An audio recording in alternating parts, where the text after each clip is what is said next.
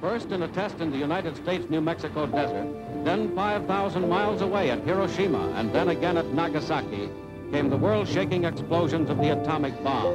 I remembered the line from the Hindu scripture, the Bhagavad Gita, and says, Now I am become death, the destroyer of worlds. I suppose we all thought that, one way or another. There can be no peace in the world until the military power of Japan is destroyed. Välkommen till Researching Peace, en podcast från Uppsala universitet. Jag heter Carolina Schützer och idag ska vi vässa geniknölarna för vi ska prata med Sofie Grape som är, håll i er nu, docent i fysik med inriktning mot tillämpad kärnfysik. Det kan låta krångligt men det är väldigt konkret. Sofie är bland annat en av de som kontrollerar vilka i världen som faktiskt har kärnvapen. Varmt välkommen hit Sofie Grape. Tack så mycket. Stämmer det som jag sa? Ja, det kan man väl säga i stora drag faktiskt. Hjälp oss lite att förstå då, vad, för oss som inte vet, vad är kärnfysik? Kärnfysik är ett sånt där typiskt område som folk brukar använda när de vill prata om något avancerat och något som man inte förstår. Och det kan låta väldigt specifikt och smalt, men sett ur mitt perspektiv så är det ett jättestort och brett område. Eh, det här fältet rymmer allt från grundläggande forskning om hur universum fungerar och hur vilka kärnor som finns och hur de växelverkar med varandra. Alltså stjärnor på himlen pratar vi nu Ja, om. ja Mm. absolut. Och materia, materia på jorden eller materia någon annanstans. Eh, och eh, den motivationen bakom den typen av forskning är ju att förstå vår värld och, och den verkligheten vi lever i och att bygga upp modeller som kan användas för att beskriva hur, hur vår omvärld ser ut. Så innan vi börjar prata då om kärnvapen och Ja. den typen, så blir det så måste jag ändå fråga, är du väldigt intresserad av rymden och sådana frågor då också? Jag var det när jag var ung eh, och, och jag hade ett stort intresse för, för rymden och, och eh, när jag studerade på grundutbildningen så hade jag ett fokus på just rymdfysik. Eh, och sedan har jag varit inne på grundläggande eh, partikelfysik eller kärnfysik, det som jag precis beskrev. Och med tiden så har det intresset mynnat ut i tillämpad forskning som också är en del av eh, kärnfysikområdet. Och där tittar man på hur man kan nyttja kärnfysiken för olika typer av applikationer. Det kan handla om hur man kan eh, utnyttja strålningen för bra egenskaper, till exempel inom eh, medicinsk behandlingsteknik och strålningsteknik. Men också om hur man kan utnyttja energin i kärnor för både eh, framställning av fissionsreaktorer och, fusionsreaktorer på sikt. Så det positiva kan skulle till exempel vara cancer kommer ju till min Absolut, tanke. absolut. Jo, men alla typer av strålbehandlingar har ju sin grund i en, en förståelse av kärnfysiken och, och interaktionen mellan behandlingstekniken och patienten så att säga. Eh, och sen kopplat också till den här typen av tillämpad forskning är förstås allting som har med att förhindra kärnvapenspridningen att göra. Och det, det är där jag kom in.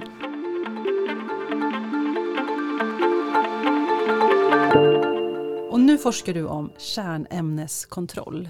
Ja, Kontroll av, vi måste liksom hålla hela tiden tungan rätt i munnen för att man ska hänga med. Ja. Vad, vad är det för någonting? det är ett jättelustigt fält för det är någonting som nästan alla säger är jätteviktigt. Jag har aldrig träffat någon som inte lyfter på ögonbrynen och tycker att det här är superviktigt. Men samtidigt så är det väldigt få som vet att det finns någonting som heter kärnämneskontroll.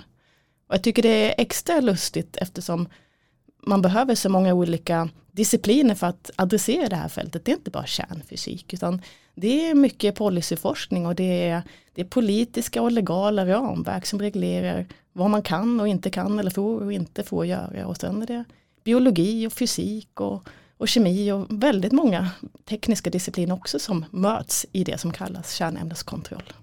Du leder ju även då en forskargrupp vid Alva Myrdal Centrum. Vill Ja. du berätta, vad gör ni i den här forskargruppen? Eh, ja, precis. Bakgrunden eh, till det är egentligen radioaktivitet kan man säga. Eh, starkt strålande eller radioaktiva material, de skickar ut strålning, olika typer av strålning som man kan uppfatta och mäta med olika instrument. Och om man mäter på de här objekten så kan man då dra olika slutsatser, liksom räkna baklänges. Om jag får den här signalen, vad har jag egentligen mätt på? Objekt, vad, alltså, Ja, det kan vara, det kan vara pulver, eh, material i pulverform eller kan det vara ett använt kärnbränsle eller det kan vara precis vad som helst som är radioaktivt och som skickar ut strålning. och då, vad gör du då? då Då kommer jag eller andra som jobbar som jag ja. eh, dit med ett eh, mätinstrument som kan uppfatta den strålningen som skickas ut. Och det, det här är, vill jag poängtera, ett det här är ett sätt att på ett positivt sätt använda radioaktivitet som annars ofta framställs som någonting farligt och någonting man gärna vill bli av med eller förbjuda på något vis. Men det är, det är en fysikalisk egenskap som man kan dra nytta av i många situationer. Och till exempel när man vill mäta på kärnämnen, då, då har man möjlighet att dra nytta av den egenskapen. Varför tror du att allmänhetens intresse för både kärnkraft och kärnvapen och hela allt som tenderar att hamna inom det här mm. fältet, varför har det blivit så intressant igen tror du? Ja, en del av frågan är ju egentligen varför har det varit så ointressant innan? det, är din, precis, det är din blick på det såklart. Det är så intressant, man har sin egen. Ja, ja så att jag, jag tycker att för att förstå varför det är intressant så måste man nästan förstå varför det har varit så ointressant under lång tid. Och det tror jag bottnar i, i den, den debatten, i många, på många sätt den politiska debatten som har ägt rum i media och i offentligheten. Och hur man har använt olika värdeord för att förmedla olika budskap. Och det, det budskapet som egentligen har pumpats ut när det gäller kärnkraft det är ju att, att sedan många år, sedan urminnes tid är detta en förlegad teknik, den ska eh, avvecklas och, avvecklas och fasas ut. Och den är problematisk och vi har ingen lösning på hur man ska förvara kärnavfallet. Och det finns en spridningsproblematik eller en koppling då mellan kärnkraft och kärnvapen som är är stor och bör undvikas. Så det är den typen av budskap som jag upplever pumpas ut till människor i allmänhet. Och samtidigt så, så står de här politikerna och använder positivt laddade ord för att beskriva andra kraftslag. Som det är grönt och det är flexibelt och det är hållbart. Men det är ju inte någonting som är bara det ena eller det andra utan alla de här orden är ju det är bara någon enskild människas sätt att beskriva det de vill ha fram eller att förmedla sin agenda. Och verkligheten ligger ju alltid någonstans däremellan. Kärnkraften kan också vara hållbar och flexibel. Och de eh, så kallade gröna kraftslagen behöver inte alltid vara miljövänliga eller, eller egentligen hållbara ur ett annat perspektiv än just det smala perspektivet som har, någon har tittat på. Sen tror jag att det hjälper nu också att, att kärnavfallsfrågan har varit högt uppe på tapeten i Sverige eh, och det finns nu en lösning för, för eh, hur man ska Eh, förvara det här kärnavfallet.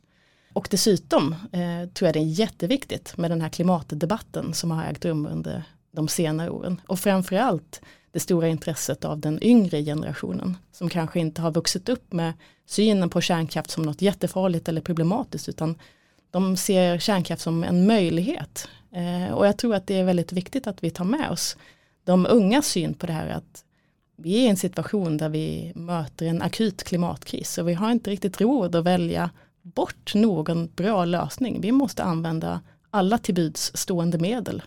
Nu hamnade vi väldigt mycket i kärnkraften, men hur hänger kärnkraften ihop med, med kärnvapenfrågan? Ja, de hänger ihop frågorna eh, via materialen. Eh, därför att inom kärnkraften så används det som kallas kärnämne. Och kärnämnen det är sådana material som, som man använder eller kan använda då inom kärnkraften för att utvinna energi. Och eftersom kärnkraft finns över stora delar av, av världen eh, så finns också kärnämne spritt över stora delar av världen. Och eftersom just det här höga energiinnehållet finns i den här typen av material så kan också samma typer av material användas för produktion av kärnvapen. Så det som, det som finns i en, eh, i en kärnvapen, vad säger man, jag vill säga bomb, men det kanske är fel, eller arsenal eller Ja, kärnvapen kan du säga. Kärnvapen, ja, ja.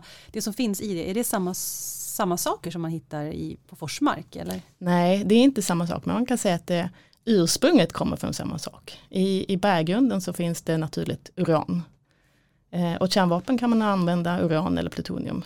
Men det, det uranet som man gräver upp i marken, det är inte det uranet som vi använder i våra kärnkraftverk, för det måste först förädlas på olika sätt. Och med samma liknelse så kan man säga att uranet i en, ett kärnvapen måste också förädlas men väldigt mycket mer än det uranet vi använder i våra reaktorer. Men sen kan ju kärnvapen också bygga på plutonium och plutonium finns inte alls i naturen. Så det måste man tillverka.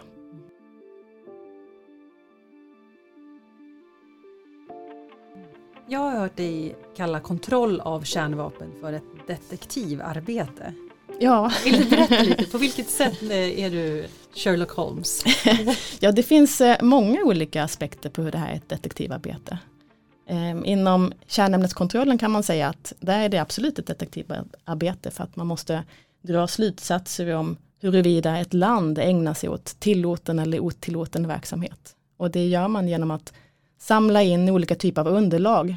Och där vill man då dra slutsatsen om, om det underlaget som man får från en stat eh, Eh, eller ett land, om den är korrekt och om den är komplett. Eller finns det någonting annat än det som landet på pappret säger att de ägnar sig åt. Och om man då skulle upptäcka att någonting inte riktigt stämmer, då är det ju väldigt viktigt att eh, man tar reda på vad är anledningen till att det inte stämmer. Det skulle ju kunna vara att man har förlorat en del av informationen någonstans, att någonting ser konstigt ut, men egentligen så är det inget skumt. Men det är också viktigt i den här dimensionen att, att man har väl på fötterna om man anklagar ett annat land för att bedriva kärnvapenrelaterad verksamhet. Och det är väldigt viktigt för trovärdigheten för kärnämneskontrollen. Gör du sådana saker? Nej, utan det här gör tillsynsorganisationer som till exempel IAEA, Internationella atomenergiorganet. Och Sverige är ju i Europa och i Europa finns det också Euroatom och i Sverige finns det Strålsäkerhetsmyndigheten. Så det här är arbete som sker på myndighetsnivå eller på någon, någon nivå av internationella organisationer. Och det jag och mina forskarkollegor gör är att utveckla instrument och analysmetoder som de här organisationerna använder i sitt informationsinsamlande. Alltså själva förstoringsglaset? Ja, kan så kan man säga. Ja. Precis, vi har detektivväskan som ja. de här kan använda sig av. Vilken metafor, det här är så bra Sofie. Vad, kan du berätta då, de här mätinstrumenten, hur, eh, vad kan det innebära för kärnvapennedrustningen då, de här instrumenten? Ja, ja absolut. Verifikationen eller att ta reda på hur någonting egentligen ligger till är ju jätteviktig, helt central skulle jag säga. Att vi får reda på vilka länder som har kärnvapen helt enkelt. Ja, absolut. Det har man väl egentligen ganska bra koll på nu, men, men det finns ju många fler dimensioner av den frågan. Det är inte bara om de har eller inte har, men vad har de och var kommer det ifrån och, och hur framställs det? Och, ja, det, det är många följdfrågor som bygger, bygger på den ursprungsfrågan. Men om vi går tillbaka till de här instrumenten, hur, eh, berätta mer om dem, jag är så nyfiken på det. Ja, som jag nämnde innan så skickar ju radioaktiva material ut strålning. Och den här strålningen, det är inte bara en typ av strålning utan det är många olika typer av strålning. Vissa typer av strålning försvinner ganska fort. Det är den typen som vi kan se egentligen om vi går i skog och mark och plockar svamp och lava så vet vi att vi ska inte äta för mycket av det eftersom det kom nedfall efter Tjernobyl-olyckan för många år sedan. Eh, men vi vet också att det här kärnavfallsförvaret eh, ska vara det ska hålla 100 000 år. Så uppenbarligen finns en annan typ av strålning också kvar under väldigt lång tid. Och de mätteknikerna och instrumenten som vi utvecklar, de utnyttjar all typ av strålning egentligen som skickas ut kan man säga. Både den som finns kvar några tiotals år och den typen av strålning som finns under hundratusen år. Och bland annat då kan de här instrumenten användas för att mäta på någonting som påstås vara, säg ett kärnbränsle, för att säga, är det det eller är det, är det någon, någon attrapp som någon har ställt dit för att egentligen har de avlett eller styrligt det riktiga objektet, kanske för att tillverka kärnvapen. Men man kan också vilja ta reda på egenskaper om det man mäter på, till exempel om det är ett kärnbränsle, har det verkligen använts i den här reaktorn på det sättet som de som driver reaktorn säger att den har gjort. Och varför, vad har man, varför vill länder ljuga om det här? Ja, vissa länder eh, är det ju känt att de har kärnvapen. Men sen kan man ju också tänka sig att, att man skulle vilja dölja det av förståeliga skäl.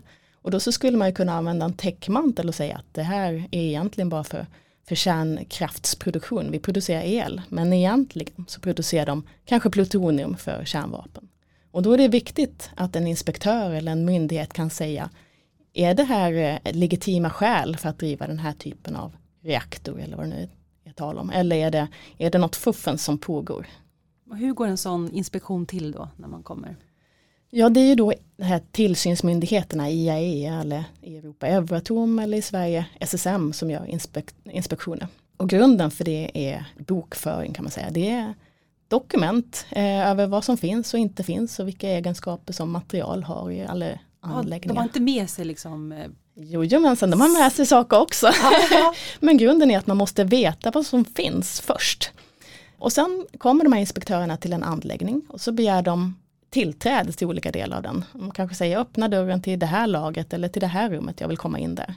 Och när de väl kommer in där så kan de titta sig omkring förstås. Titta om det finns, finns det dörrar eller schakt eller öppningar som inte ska finnas där. Finns det Finns det det de letar efter och hur många enheter av någonting finns det? De kan också titta på sigill som används för att se att eh, någonting inte ska öppnas eller användas. Då kan inspektörerna titta på om sigillen är obrutna eller om de har öppnats fast man inte får öppna det.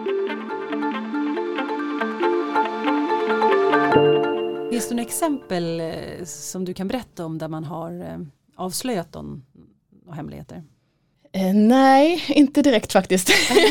för att du inte kan berätta eller för att det når inte till er? Ja, eller? Nej, det är, väl, det är väl främst det, det sista utan det här är någonting, inspek, inspektionerna görs av tillsynsmyndigheterna och det, det är egentligen de som är kvalificerade att svara på den typen av frågor. Mm. Men jag, bo, jag borde ju förstås tillägga då att de här instrumenten som jag nämnde att vi utvecklar, det är också någonting som inspektörerna har eh, stor frihet att ta med sig och använda sig av.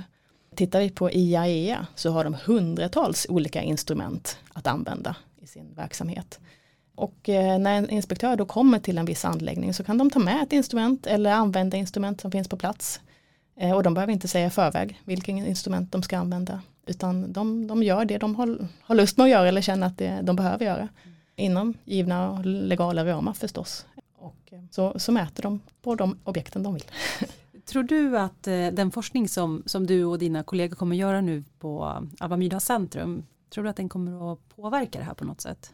Ja, jag tror att det är jätteviktigt. För nu har vi pratat väldigt mycket om kärnämneskontroll, men inte så mycket om kopplingen till kärnvapen. Och hela den här kärnämneskontrollen kan man säga är, det kan fungera som en indikation på att någonting inte står rätt till i ett land. Så det är nästan som en eh, brandlarm.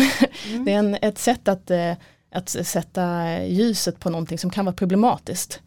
Och dessutom så är det ju så att även det material som finns i ett kärnvapen är ju radioaktivt. Och därför kan man använda i mångt och mycket samma mättekniker även om kanske instrumenten skiljer sig lite grann i sin utformning. Så det som vi tar fram för kärnämneskontroll kan man också använda när man ska verifiera till exempel nedrustning av kärnvapen. Om ett land säger att de har rustat ner eller att ett kärnvapen inte längre finns, hur ska man då kunna verifiera att det är sant? Och det är där ni kommer in i Ja, den. precis. Och även, det är inte bara att titta på själva kärnvapnet utan det är så mycket mer än bara kärnvapnet. För materialet i ett kärnvapen kommer ju någonstans ifrån. Det har producerats någonstans och genomgått en, en rad av omvandlingar eller produktionssteg. Och då gäller det att kunna titta på alla de stegen innan. Men också egentligen att ha möjlighet att på ett fredligt sätt göra av med det materialet som har suttit i ett kärnvapen. Om man nu vill komma fram till en fullständig nedrustning. Då måste man ju på något vis göra det omöjligt att montera tillbaka ett kärnvapen utifrån de delar som man har monterat isär. Mm. Så det finns många ställen som vi kan komma in på med, med, vår, med vår forskning. Och jag skulle också vilja poängtera att de här tekniska delarna som vi sysslar med, det är ju det som kopplar direkt till, till de som håller på med förhandlingar och avtal. Därför att när man skriver ett avtal att, att någonting ska göras eller inte göras, då måste man ju också kunna säkerställa att man kan kontrollera det på något vis.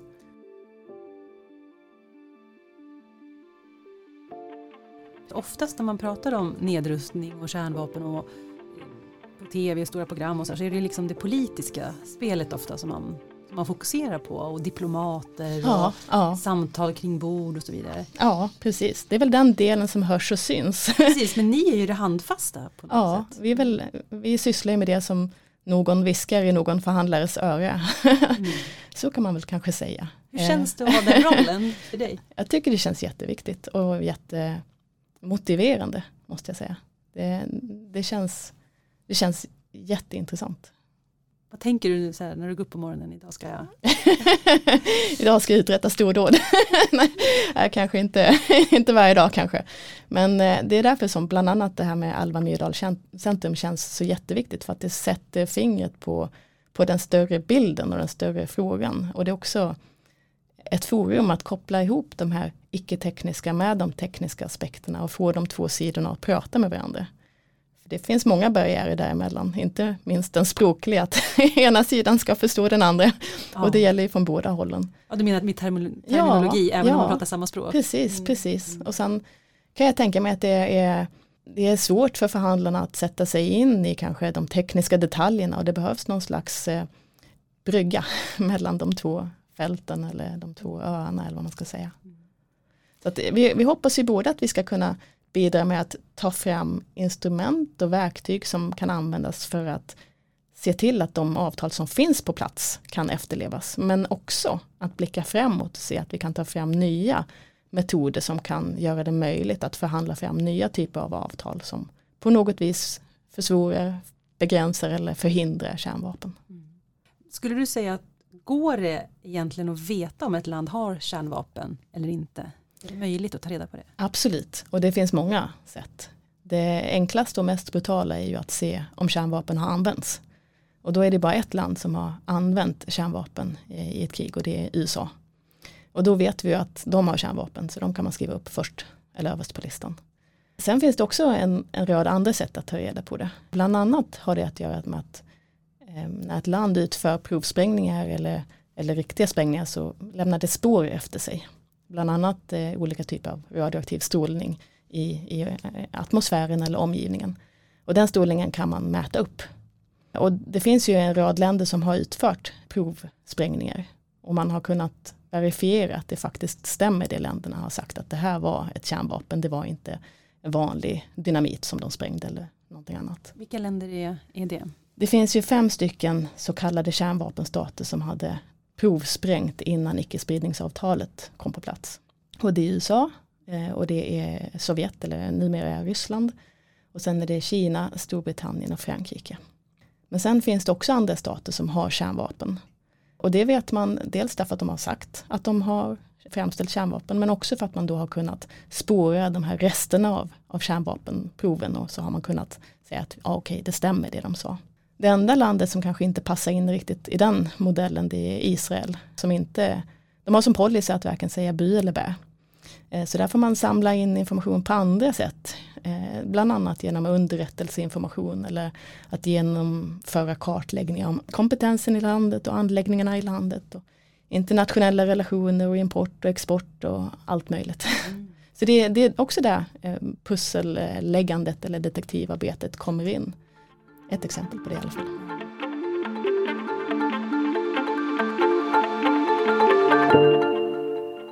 Är det någon då som vet egentligen hur många kärnvapen som det finns i världen? Du säger som Israel, ja. ingen vet om Israel har till exempel. Ja, det finns eh, starka indicier, eller det finns många anledningar att tro att de har det. Det är bara att de själva inte går ut och säger vi har det. Okay. Och, och, anledningen till det är det många som spekulerar eh, kring. Och det kan ju till exempel vara att man försöker dra fördel av att kunna ha, använda eller säga, påstå att man har kärnvapen eller kan ha kärnvapen i en avskräckande effekt utan att egentligen kanske utsättas för eh, negativa återverkningar för att man inte riktigt har sagt att man har kärnvapen. Ja, Okej, okay, man slipper bära den här pariga hatten. Ja, precis. Men man kan ändå springa runt och skrämmas. Precis, mm. precis. Mm. Ja. Men avslutningsvis då, är det någon i världen som vet hur många kärnvapen som ja, finns? Jo men absolut, det finns de som eh, har till eh, uppgift eller jobb att göra den typen av eh, utredningar. Och bland annat här i Sverige så har vi ju SIPRI, Fredsforskningsinstitutet i Stockholm, som varje år ger ut en årsbok och där för de statistik över upprustning och eh, nedrustning och inventarier av olika typer av vapen i länder. Och de uppskattar, eh, tror jag i sin senaste utgåva, att antalet kärnvapen är eh, drygt 13 000 i, vapen, i antal över hela jorden. Mm. Det, det låter så mycket. Är det mycket eller? Ja. Hur ska, man, hur ska man förhålla sig till siffran? Det är en jättesvår är det... fråga. Är det tillräckligt för att ödelägga stora delar av världen? Ja, absolut. Är det mycket jämfört med för några årtionden tillbaka? Nej, då har det skett en väsentlig nedrustning. Så det, det beror väl på vilka, vilka glasögon man har på sig, får man väl säga. Men det, det är fullt tillräckligt och det borde vara betydligt mycket lägre. Det gick bra, nu har vi vässat våra skinnknölar. vi vet lite mer vad eh, fysik med inriktning mot tillämpad kärnfysik är för någonting. Vad bra. Tack snälla Sofie Grape för att du kom till våran podd Researching Peace. Tack så mycket. Tack också till Mark John Gilmas som är vår tekniker och som klippt det här avsnittet. Den här podcasten produceras av institutionen för freds och konfliktforskning vid Uppsala universitet i samarbete med Alva Myrdal Center. Du som lyssnar kan alltid nå oss på info.pcr.uu.se. Stort tack för att ni har varit med oss.